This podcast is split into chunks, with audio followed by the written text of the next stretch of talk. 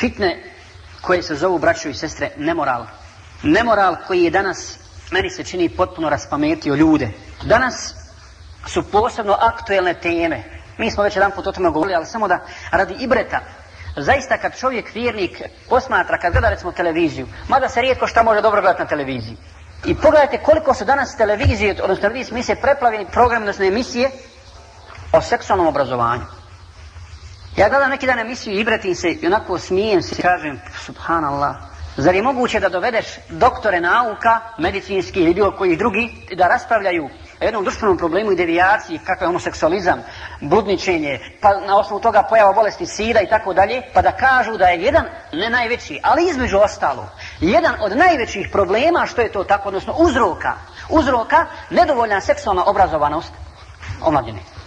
Pa ko životinje seksualno obraz, obrazuje? Hajvan pa živi svojim životom, Allah Đelešanom mu dahnu u dušu ono što treba da uradi, razmažavaju se, nema sive, nema sifilica, nema ništa, nikakvih bolesti. Allah, to nije smiješ, to je tako. Čovjek se s tim rađa, treba neka posla edukacija za to. Ili možda smatraju, u stvari ne smatraju, ko hoće da izjednači, hoće da izjednače poli, odnosno, odnosno seks, slobodno da kažemo, tako? Jer to nije tabu tema u islamu, ali islam odredi u mjeru. Mjeru svemu tome, to je prirodna stvar. Hoće da izjednače to i ljubav. I ljubav. Ne, vallahi, to nije isto. To nije isto.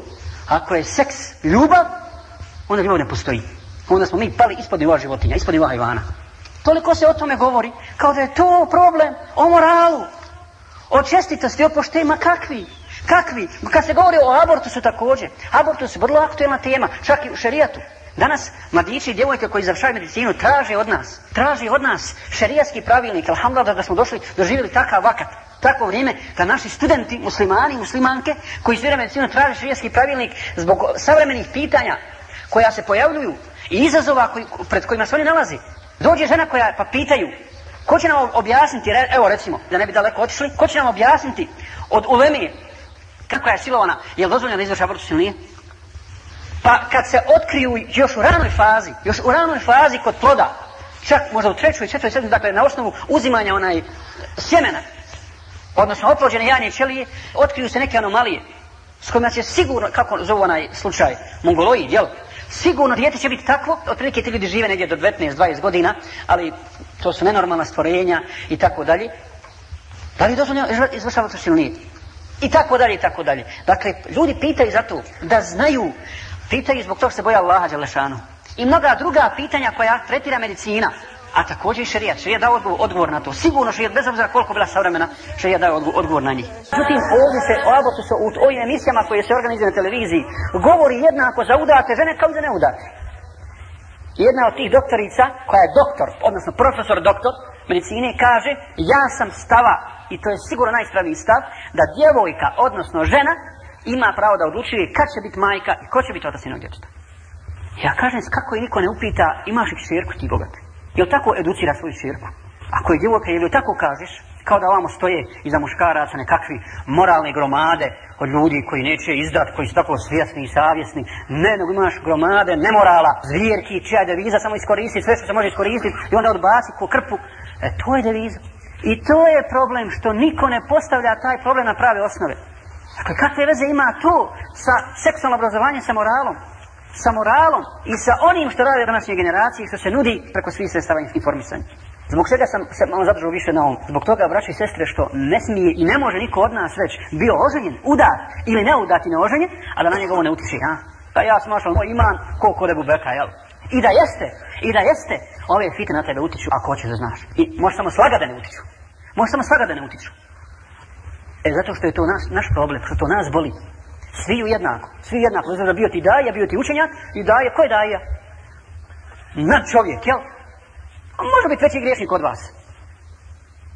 Sigurno.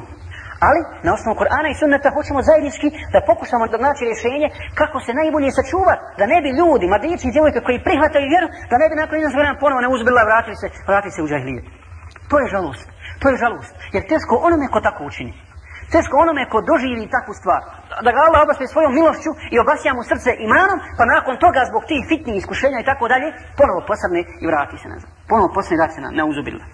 Dakle, sve ove fitne su vrlo opasne i utiču na nas. I teško se održati čak nemoguće bez čega? Bez Allahove pomoći i zaštite. Nemoguće. Zato je poslanik s.a.v. učio dovu stalno. Allahumma ja musarrif al kulubi, sarrif kalbi ala ta'atike. Ili Allahuma ja mu kalbi bel kulubi srbit kalbi radini.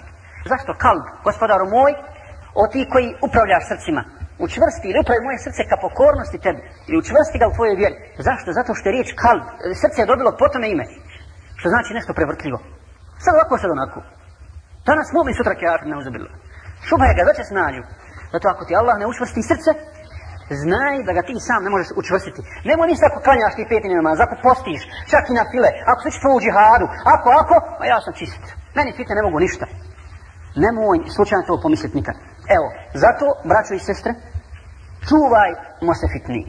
Čuvajmo se i nemojmo bez ikakvih razloga mi sam dovoditi se u poziciju da nas te fitne upropaste i unište naš iman, ne do Allah, ne do Allah. Pođimo od pogleda, od pogleda, Koliko je pogled, braćo i sestre, koliko je pogled dosad, evo dosad, od početka sahve, ponovo nju spominjem, uništio naših brakova. Ha? Pogled. Čovjek vidi na internetu ili na televiziji ili na ulici ako se ne boji Allaha i ne čuva, ne može da se sačuva ili neće da se sačuva, ne, ne može, nego neće da se sačuva, ne moli Allaha. Zna svak svoje slabosti. Moli Allaha na seždi da te sačuva onoga što je tvoja najveća slabost. Nemoj to otkrivat meni ili nekom drugom. Ali ti znaš šta je tvoja najveća slabost. Znam ja šta ima najveća slabost. Ja hoću da se borim sa njom, ali kad se ne borimo s tim, u tom je problem. I onda sa svojom ženom već živi, rodila mu djecu i sad mu se lavi se sviđa. I problemi, i bori se, i bori na kraju, gotovo radom raka. Ili pi, koliko mu konstatacija, koliko muslimana danas noći provodi sa šeitanom, a ne sa Allahom s.w.t. u ibadetu Allah. Jel? Čatanje, dopisivanje, gledanje, ašikovanje i ostale, i ostale stvari. A kad treba ustati na noćni namaz, a kad treba se posvetiti ibadetu učenju Islama, ma neka, neka, to je za nekog drugog, i to za mene. Kaže poslanica sedem, fitne i smutnje se izlažu u ljudskom srcu. Malo pomalo. Koje je srce? Prihvati tu fitnu, taj izazov, Osta mrlja, osta mrlja na srcu, osta mrlja na srcu. Jedna po jedna, jedan po jedan izazov, a ti ne odoljevaš, samo se prepustiš, samo se prepustiš. Ma ka neka, nema vezi, nema vezi. Tako da na kraju ne uzu bila tvoj ibadet, čak ako ga klanjaš, postaje čista forma. Eto, još samo treba, jel da ostaviš namaz, a? i da onda završiš. Ostaće si na namazu, ali šeitan zna kako će tebe odvesti u dalalet, jer je noge odveo. Mnoge odvedu dalale. Ako ne budeš istinski bojao Allaha i sam isledio Kur'an i Sunnet. Ako sad se odbije tu fitnu kada sam sallam, ona ostaje, ostaje bijelo.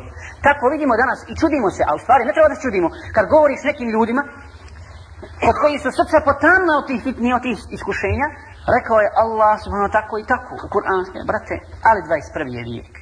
21. vijek.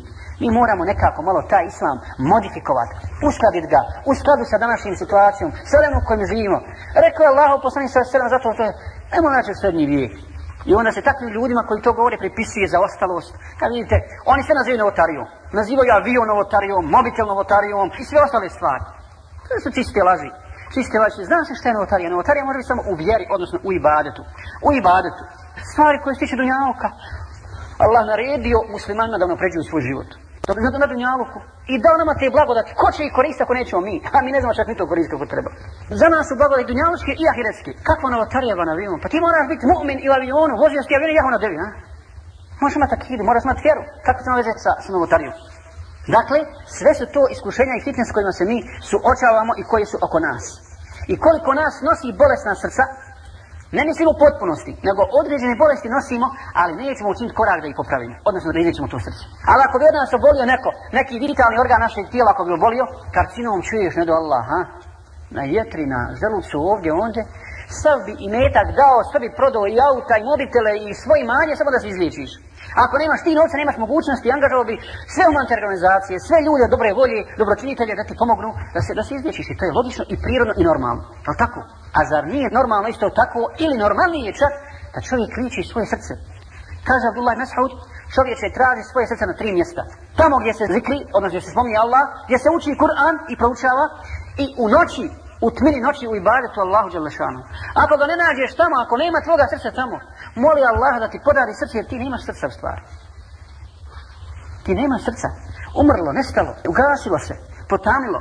A poslani selam kaže, ala inna fil jasadi mudga, idha salaha salaha al jasadu kullu, va idha fasada fasada al jasadu kullu. Zaista u tijelu ima jedan organ, ako je zdrav, zdravo je cijelo tijelo. Ako je bolestan i pokvaren, pokvaren cijelo tijelo. To je srce, srce.